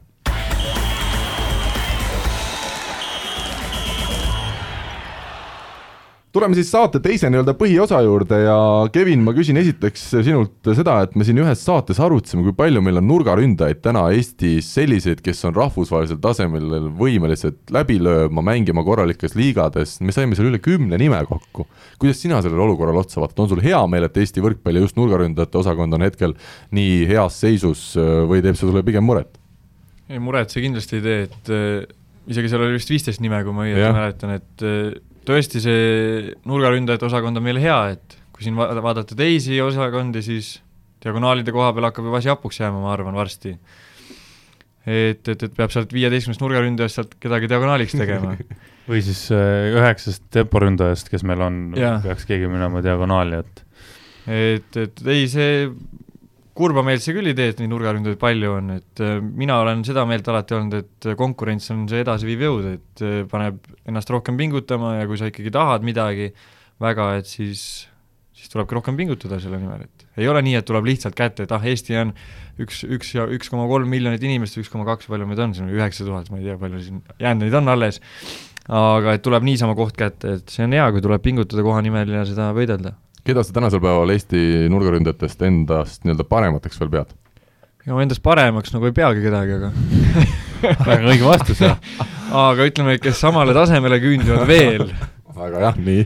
et neid, neid meil on omajagu aga see tegelikult sa rääkisid ühes intervjuus, äh, mis sa siin Võrkpalli kahekümne neljale andsid, et vist Robert Täht, Mart Juhkami, kas sa ütlesid ka Kristo Kollo nime seal, kes on, ütleme siis juba sinu ja. enda, jah, ütleme Ei, nii. võib-olla Kollo ja, et äh, seal oli see, et rääkisite kahe aasta pärast toimuvast EM-ist äkki et sealt ma võib-olla siis äh,, Raadik on siin värske pereinimene, et võib-olla mm -hmm. siis mhm. Raadiku lükkaksin natuke allapoole sealt, et sorry, Ratsa, aga ta on õnneks kaugel praegu, ei ole, kusjuures tuli tagasi vist Soome või kodumaale. siis ikka Ratsa, on ta siin jah, Eestis? peaks olema siin okay, jah. et siis ikka jah, Ratsa on ikka ka seal listis sees, et Eesti parim võrkpallur praegu, selgelt, ülekaalukalt. jah mm -hmm., et seal ikka on jah, neli, neli-viis nime on seal ees, aga et äh, ma enda seisukohalt ütlen, et mitte midagi ületamatut, et mm. -hmm. kus sa need näed, et sa pead ise kindlasti edasi minema, et jõuda ütleme, mitte siis järele või saab lihtsalt paremaks mängijaks või?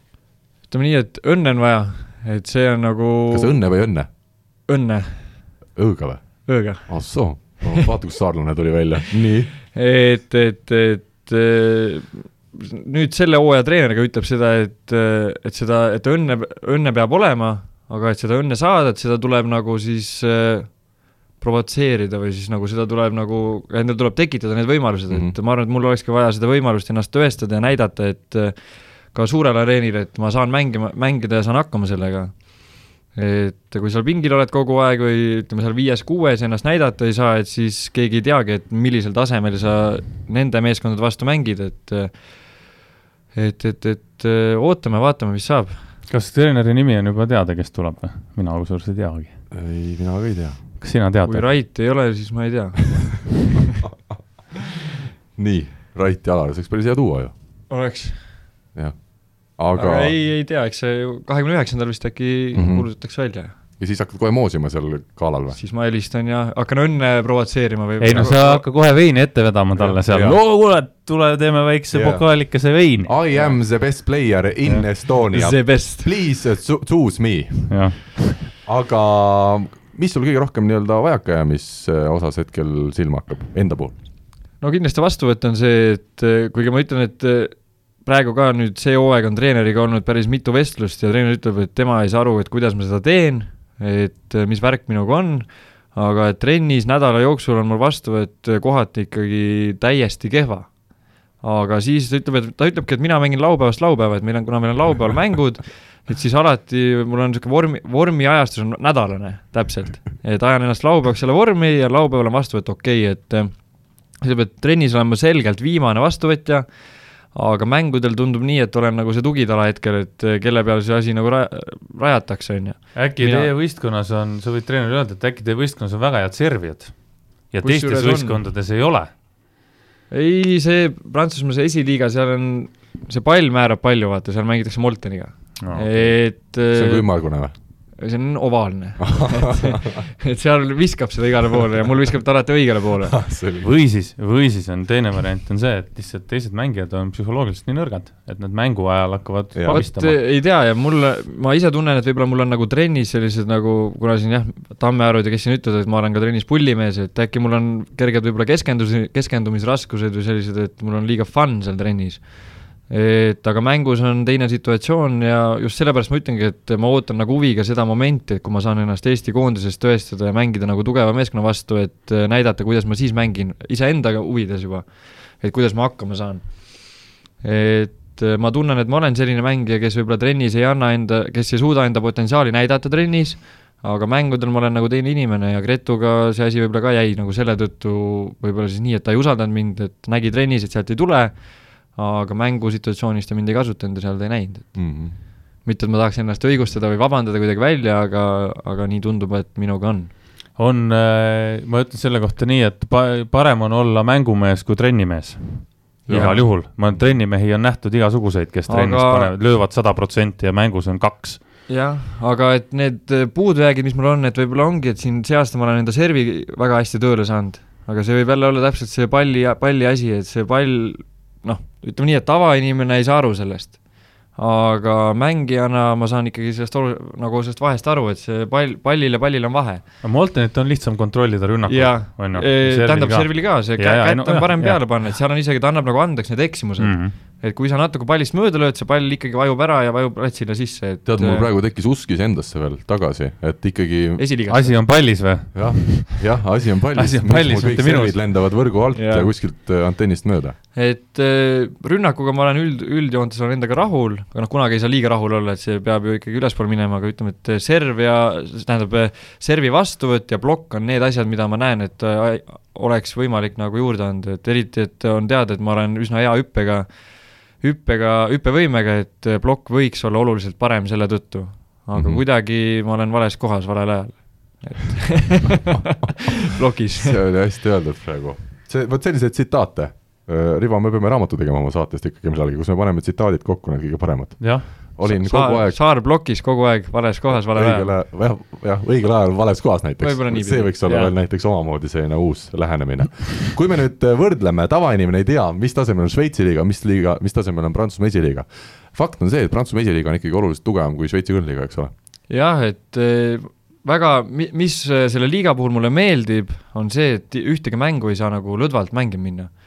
Et siin kas või võtad seda Balti liigat et siin ikkagi seal taga, taga lõpumeeskondade pool, et ma ütlen, et see nagu ma ütlesin, mul on raske keskenduda võib-olla treeningutel, et seal tekib ka vahepeal see, et on juba mängudes raske keskenduda, et sa tead, et see võit nagu ikkagi tuleb, et teed sa, mis sa teed seal, aga võit ikkagi tuleb, eks.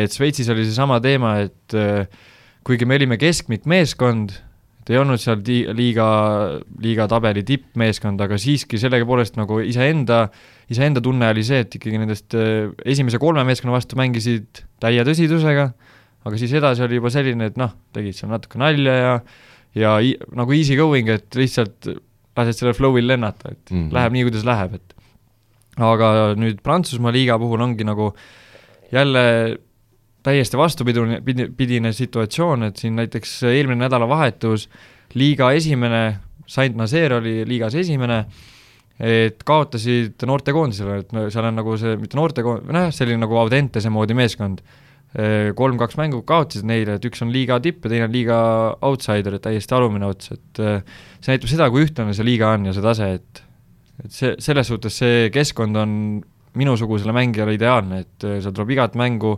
täiega panna ja veel ka see meeskonnakorraldus meil, et on kolm sisuliselt ühel ja samal tasemel nurgaründajat. et seal seda eksimiskrediiti on väga vähe, et kaks korda eksid, pingile, ootad, teine eksib kaks korda, võetakse pingile, lähed sina uuesti mm. -hmm.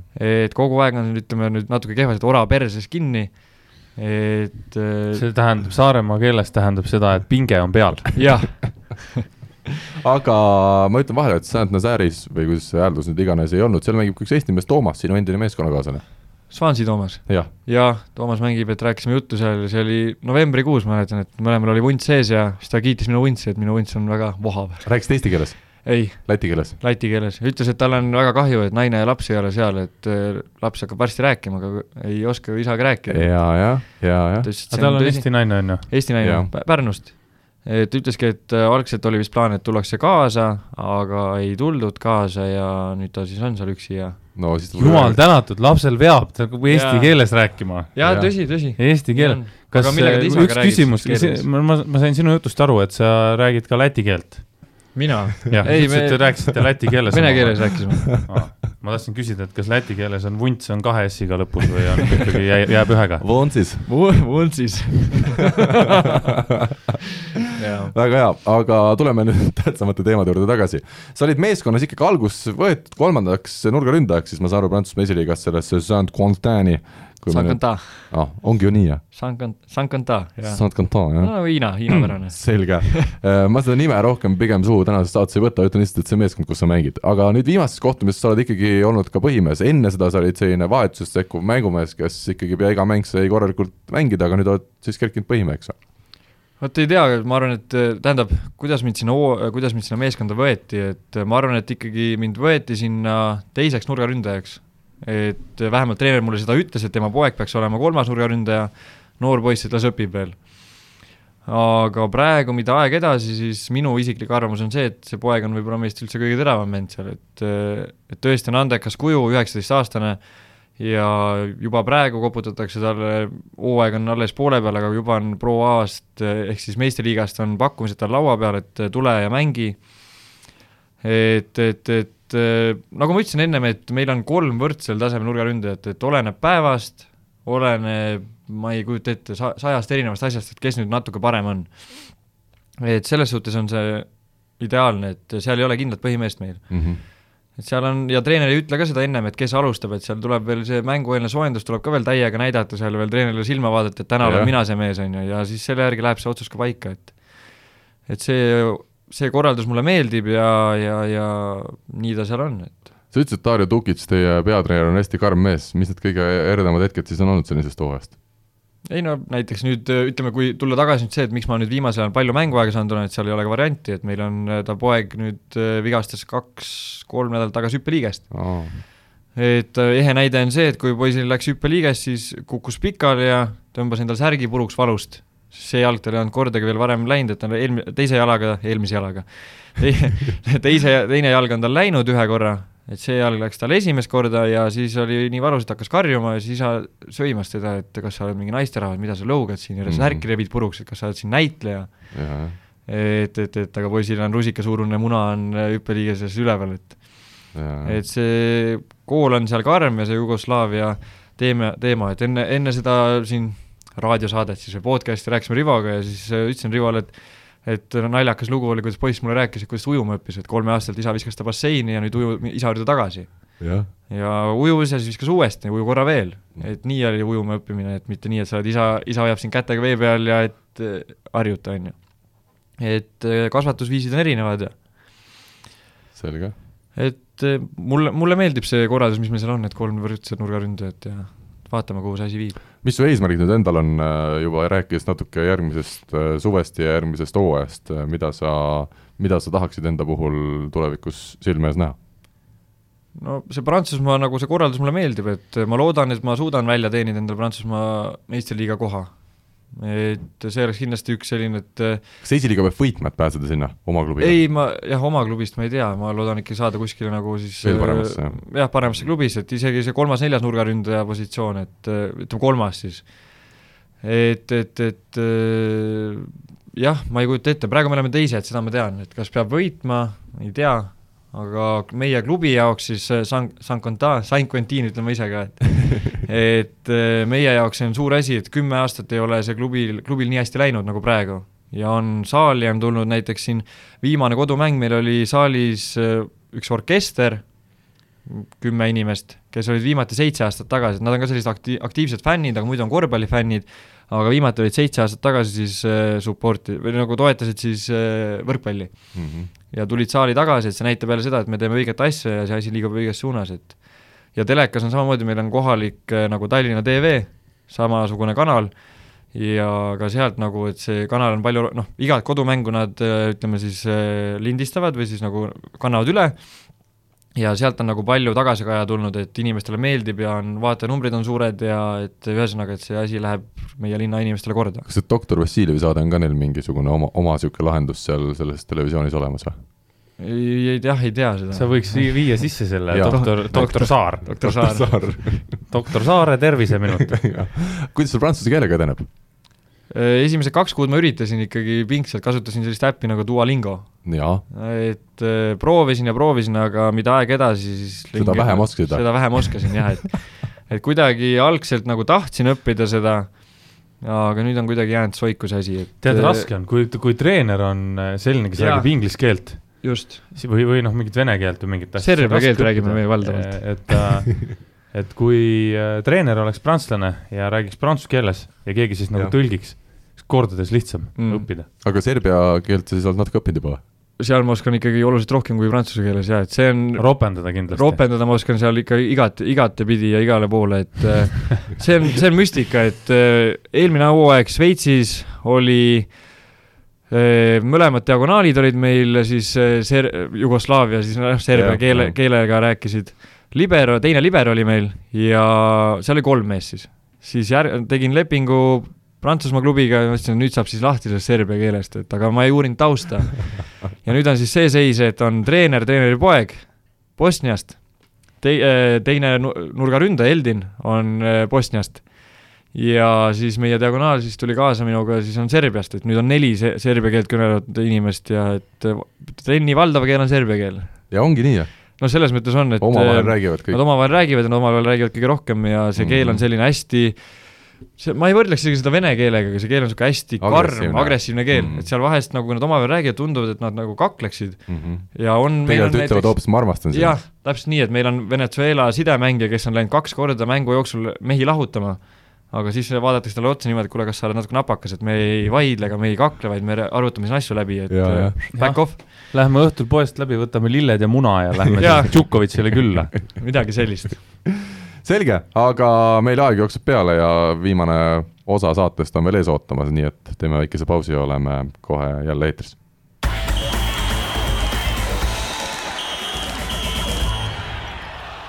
Rivo eurosari, Saaremaa võrkpalliklubi Kvar Saba pääses edasi, Saaremaa meeskond. Pärnul nii hästi ei läinud äh,, Horvaatide Kastela Mladostile. Kuldses game'is võõrsil mäng lõpuks kaotati ja langeti konkurentsis, kas sa oled nüüd kumbagi nendest mängudest jõudnud jälgida, ega ma tean, seda Pärnu mängu sa vähemalt nii palju jõudsid jälgida, et sa panid sinna ülekande alla Facebookis kommentaare? ja jälgisin, Saaremaa mängu ei näinud, sest ei leidnud ülekannet kuskilt otsisin, otsisin, otsisin. Eurovolli näitas, seal tuleb viis eurot maksta, aga ma saan aru, et Venemaal on rublad ja see eurode ei, vahetamine. see ei ole isegi, asi ei ole selles, et ma kunagi selle Eurovolli maksin äh, viis eurot kuus, aga kvaliteet oli nii kohutav et ma ei ole nõus seda tegema, isegi kui see viis eurot võib-olla ei tundugi nüüd kõige võib suurem raha maailmas. ei, absoluutselt mitte. kusjuures praegu on kvaliteet väga hea. absoluutselt mitte. Siin... ei, aga Rivol on ka silmanägemine tegelikult. kodus, kodus ja, vaatasin. sõltub vaate, vaatevinklist kodus vaatasin ja, ja ei, ei, ei hakanud selle peale kulutama ja noh, ega see, ma arvasin, et see, ega sealt Saaremaa mängust midagi ei tulnud ka, et minu ma jah, ma ei tea, kui palju põhjalikult ma peaks äh, rääkima teemadel, äh, millest ma võib-olla nüüd kõige rohkem ei tea, aga mis mulle jättis mulje, oli ikkagi see, et see Kvar Saaba ei olnud nüüd päris selline väga tõsiseltvõetav meeskond. jah nagu..., seda, seda ma ütlesingi, et ja. seda, seda ma, ma ei isegi viitsinud hakata seal väga nagu tuhlama mingit ülekannet otsima, et et et äh, juba seal Saaremaa kodumäng näitas ära, et ega seal ei ole vahet. kas seal oli neil diagonaal üldse puudu, siis nad ju mängisid no, põhimõtteliselt eks... ühest nurgast ei mänginudki. kuigi seal nad mängisid paremini. see mängu ta-, tase ja kvaliteet oli juba seal oli nii halb. küll aga vastased mängisid kaitses hästi ma ei tea nüüd. sa võid ju kaitses mängida, kui sa palli maha ei löö, siis sellest see ei ole jah. suurt nagu kasu väga midagi, et. Aga see kaitse, kaitsemäng, see ongi, mul on juba selline tunne jäänud, et see on mujal maailmas, see ongi parem kui Eestis, et ma ei saa aru, miks see nii on, aga näiteks see Prantsusmaa nüüd esiliiga, et seal on müstiline kaitsemäng, et et äh, Eesti liigas sellist kaitsemängu ei näe kindlasti. ründajad on kehvad. kas siis õpitakse ei, rohkem samad ründajad liiguvad, et jah, ega rõhku pannakse ilmselt, rohkem. ilmselt noorteklassides pannakse sellele nii palju rohkem ja. rõhku ja tehnilisele poolele ja kohavalikud ja kõik asjad, et äh, sealt ta tuleb, et ega seda mm. kuskilt mujalt tulla ei saa, et äh, samas jälle vastu väiteks näiteks meil on seesama üks nurgaründaja Eldin, kes mängis Andri Aganitsaga näiteks koos Poitiersis, ja Chamon, Chamonti meeskonnas on ta mänginud, et jah, täpselt needsamad. Et, et, et tema ütleb, et seal näiteks Prantsusmaa esiliigas on kaitse, kaitsemängul on suurem äh, nagu rõhk pandud kui rünnakutel, et ja et võrreldes nüüd meistriliigaga, et meistriliiga kaitsemäng ei ole nii hea kui seal esiliigas. Et, et, et seal on võimsamad juba ründajad ja siis pall jääbki lihtsamalt maha mm -hmm, äkki mm. -hmm aga, aga just mulle on nagu see mulje jäänud, et mujal maailmas on see kaitsemäng kuidagi kõrgemal tasemel kui Eestis, Eestis on ta läinud kõvasti paremaks kõvasti,, kõvasti-kõvasti paremaks äh, võrreldes selle ajaga, kui mina mängisin saalis, et siis olid ikka puhtad kaikad seal väljakul kõik, et aga mis nüüd Saaremaa puhul on ikkagi see, et meeskond on väga hästi komplekteeritud, aga nagu mängijad ka ise ütlevad, nad siiamaani ei mängi ligilähedaltki seda potentsiaali välja, mis need individuaalsed oskused lubaksid, Reto Kiiger ütles siin intervjuus pikemas, et äh, seitsekümmend protsenti maksimaalselt on nad sel hooajal mänginud oma võimekusest välja, kuidas Rivo, sina sellele kõigele otsa vaatad? Äh, ma arvan, et täna ei ole neil Eestis äh, noh, Tartu on, on ju, Pärnu on täna ikkagi hädas oma, oma asjadega. Saaremaa on läinud järjest paremaks, noh, neil on areng näha on, et nad on läinud järjest paremaks kogu aeg, on ju. Äh, Tartu on ainuke võistkond täna see, kes võib neid nagu push ida et sama, mis Kevin ütles, et neil või noh, ongi osade võistkondadega ongi see, et neil on mhm. lihtsalt igav mm, -hmm. nad ei peagi mängima oma sadat protsenti. ja kui sa kogu aeg ei pea ennast push ima, kogu aeg ei pea sadat protsenti mängima, siis, äh, siis seda sadat protsenti kätte saada ongi väga raske mm. -hmm. ja, ja see mingi hetkeni sa arened ja sealt edasi sa enam ei lähe lihtsalt, et sa, sa ei saa neid mänge nii palju, kus sa pead suruma ennast. seda olekski huvitav näha, et siin mingi hetk olid jutud, et Saaremaa hakkab veel mingit üüber-superklubi kokku panema, on ju, et ma ei tea, hakkab seal Champions League'is või kuskil osalema, mine tea, kus kohas, on ju et ma ei kujuta ette, et mis, mis valemiga sa need, esiteks, mis valemiga sa need mängumehed siia tood, et sa ei saa ju nende samade meestega nüüd, et täna hakkame nüüd Champions League'i mängima, need mehed mängivad nüüd paremini, ei ole nii. selle võistkonnaga Champions League'i ei mängi jah ja., see, see on üks, mis kindel. et aga nüüd too nüüd sinna need Champions League'i mehed kohale, kes selle liiga taseme välja kannatavad siis mis nad siin Eestis teevad mm? -hmm. siin peab olema mingi teine lahendus. Eesti-Soome liiga peab siis olema juba igal juhul. see ei ole ka, ma arvan, väljunud. Eesti-Soome liiga jääb ka veel lahjaks, et meistri, kui ta, kui meistrite liigasse minna, siis võib-olla oleks äh,. vesikut vaja?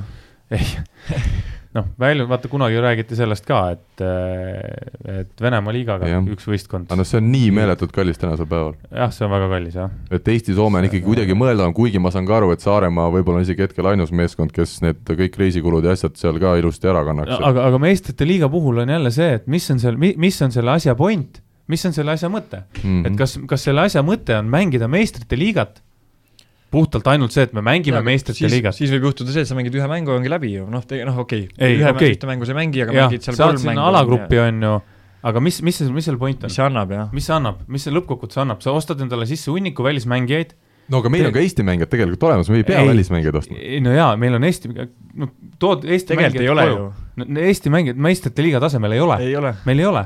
meil ei ole võistkonna jagu Eesti meist-, mängijaid, kes mängiks meistrite liiga tasemel nii, et nad jõuaksid kuhugile välja no kui sa võtad ühe või kaks mängijat välismaalt juurde, siis meil on ikkagi niisugusel tasemel mehed ju.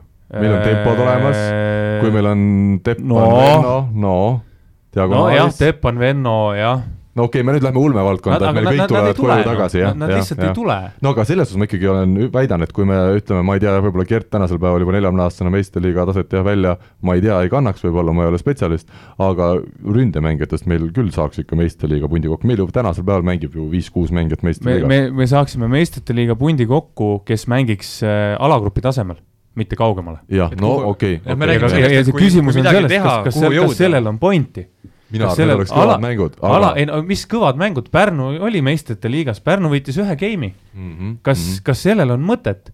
see minu jaoks oleks, on see mõte, on pigem on see, et sa mängid neid samasid CEF-e ja asju ja jõuad kaugele. edukamalt, jah. jõuad kaugele, jõuad finaalidesse ja läbi selle see müüd oma mängijaid, on palju suurem. müüd oma noori mängijaid just, välismaale.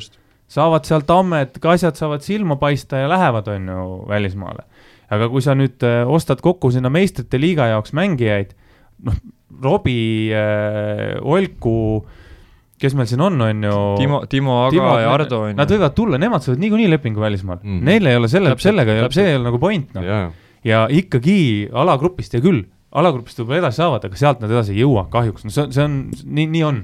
ei ole midagi teha, võib-olla karmid sõnad, aga, aga nii täna on no ja õnneks on meil täna Eesti võrkpallis ikkagi see seis, et me saame ka Eesti liigast, mehed saavad välismaale ja, ja näitavad ja tõestavad ennast, et, et see Eesti liiga paremad klubid täna on nagu piisaval tasemel, et et see hüpe teha välismaale on. ja, ja, ja ei täpselt, et, et mina näen pigem nagu seda, et, et ei ole mõtet panna kokku võistkonda, mis mängib meistrite liigas, supervõistkond, Eesti liiga on mõttetu, Eesti liiga muutub nagu täiesti on, mõttetuks see on sama, täpselt sama teema oligi nagu Pärnuse meistrite liiga võistkond, noh Eesti liiga oli pointless. mängiti teise koha peale, noh mm -hmm.. kes finaali sai, sai teise koha, oli õnnelik, me saime finaali. ja, ja ülejäänud võistkonnad, mängud igavad, noh, ma ei tea, kas seal on mõtet jaa, seda motivaatorit või seda nagu motivatsioonipaketti on raske neile nagu välja pakkuda, et siin Eestis, et kui sa nüüd äh, ei taha halvasti öelda, aga lähed nüüd selle superklubiga, lähed TalTechi vastu mängima, no mm -hmm. Te, teine, teine, teine variant on muidugi see, teine variant on muidugi see, et sa ostad endale kokku viis mängijat, on ju. kes ainult mängivad seda liigat. kes jah. mängivad meistriliigat, kõik mm. -hmm aga siis ja, ja sellel, sellel ei ole pointi. ja see siis ei ole seesama meeskond enam. jah, sellel ei ole ka nagu mitte mingit pointi, et sa, tulebki sulle jah, kaaslane seniit sõidab Saaremaale ja võidab kolm-üks Saaremaad, no mis see on siis nagu kuule, aga kell on nüüd nii kaugel, et äh, Rival ootavad mingisugused koosolekud hommikul kell äh, kümme kolmkümmend meid ees ja kell on saanud siin lindistuse ajal kümme üksteist, nii et veel viimased minutid, lisaminutid sellest saatest on alanud. mis on nüüd äh, Saaremaa probleem, on rünnakute lahendamine eelkõige nurkadest, Javier Jimenez esimeses mängus ei saanud sinust ühtegi palli maha löödud, eesmängus oli Rauno Tamme tema asemel, Tamme sai väga vähe tõsteid, nii et tema rünnakust me väga pikalt rääkida ei saa. Keit Pupart oli vastuvõtul ametlike äh, andmete järgi üheksateist vastuvõttu, sada protsenti, aga seal ka ütlesid Saaremaa mehed, et seda ametlikku statistikat nüüd väga tõe pähe ei saa võtta, et äh, Märt Pajusalu statistika peal oli vist seal kaheksakümmend protsenti, siiski väga kõva vastuvõtt. et Keit on vastuvõtul toonud Saaremaa meeskonda kindlasti meeletult palju jõudu juurde, samas rünnakute lahendamine oli seal Iisraelis neljateistkümnest kaks kuidagi need pallid ei jää temal maha ja veel mõnel mehel seal teatud olukordades, et äh, mulle küll tundub, et Reto Kiiger on väga hea sidemängija, võib-olla isegi parim, kes siin Eesti liigas viimastel aastatel on mänginud, aga samas, kui rünnakud maha ei jää, ma ei teagi, kummalt poolt seal keda, kellele otsa peaks vaatama.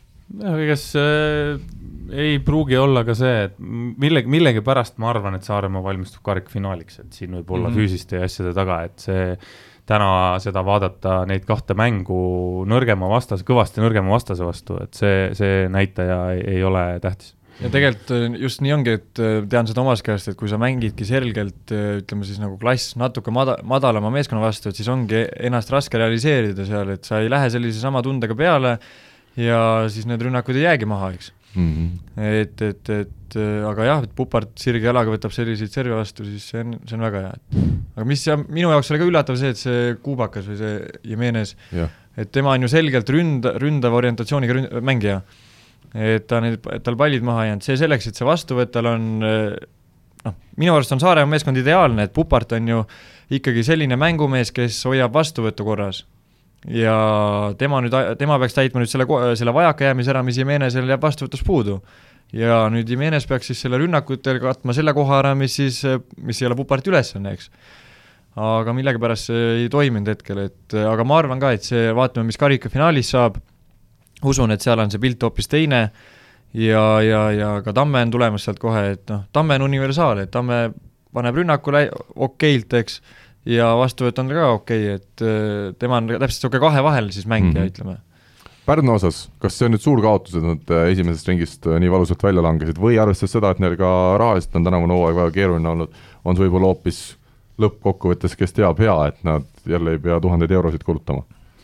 kahe otsaga asi, ütlen nii palju, et ilmselt järgmisest ringist nad poleks niikuinii edasi saanud, et nad oleks saanud ühe kodumängu, ühe välismängu, aga aga selle võistkonnaga või sellega, kuidas nad praegu mängivad, on, on väga raske, et võib-olla, võib-olla noh, võib-olla oligi parem, et nad selle kaotasid, jälle karmid sõnad, aga, aga võtame niisugune kaine mõistusega asja, et et see viimane mäng, seda mängu ma vaatasin kusjuures terve mängu ära ja, ja no seal minu arust kogu võistkond, esiteks kogu võistkond mängis halvasti konkreetselt halvasti.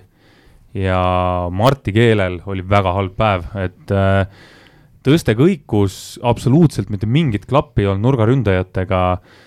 kas siis läksid ründajad vara peale, tõste oli liiga kõrge, liiga kiire, liiga madal, jäi lühikeseks, läks pikaks. punnitamine nagu toimus. hirmus selline, noh, ei olnud seda voolavust, nagu voolavust jah ja., flow'd ei olnud, et et kuidagi tahtmist, tahtmist oli võib-olla liiga palju ja, ja no see, see oli ütleme eesti keeles välja, et ikkagi näide väga halvast võrkpallist täna, et.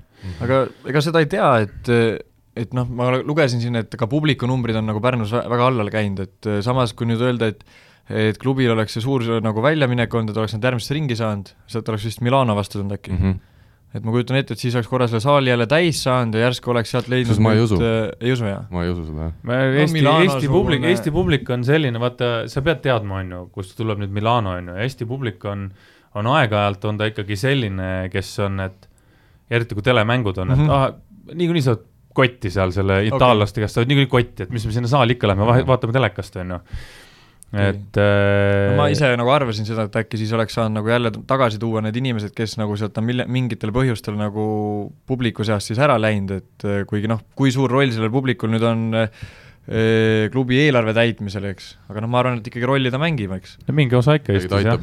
et, et, et millegipärast on see asi alla läinud, aga ma ei kujuta ette, et kas siis eelarve pärast või kuidagi kehva, no, kehva komplekteeritus publikut ja eelarvet ei saa nagu konkreetselt ei, nagu neid, võrrelda, et või kokku panna, et aga aga üldse aga seda mängutaset, noh, Pärnu mängutaset, et võib-olla on see, et mehed ei klapi omavahel võib-olla. võib-olla on lihtsalt see, et et äh, ongi palju välismängijaid ja, ja Pärnu inimene ei taha minna vaatama Ederit, et tema tahaks vaadata Tamar Nassarit näiteks, on ju, või kedagi sellist. noh, jälle see ongi huvitav, et siin Prantsusmaa meil esiliigas, et et meil on põhi, põhimeeskonnas on ju neli välismängijat, jah, kaks, kaks siis nagu prantslast, kes ei ole ka koha, üks, üks kutt on siis kohalikust linnast, eks aga saalis on, rahvast on kõvasti ja kultuur on kuidagi teine. inimesed naudivad jah. seda, noh, ja inimesed tulevad ja räägivad sinuga, nagu sa oleksid selle linna osa, et äh, mitte mingit võõrastamist ei ole ja sellist asja, et et võetakse nüüd Eestist mingisugune mees siia, et ta ei ole ju oma, on ju. Mhm. et seal on teistmoodi, aga ma kujutan ette, vaata siin oligi, et Saaremaa meeskonna kohta räägiti siin, et noh, mis Saaremaa meeskond see on.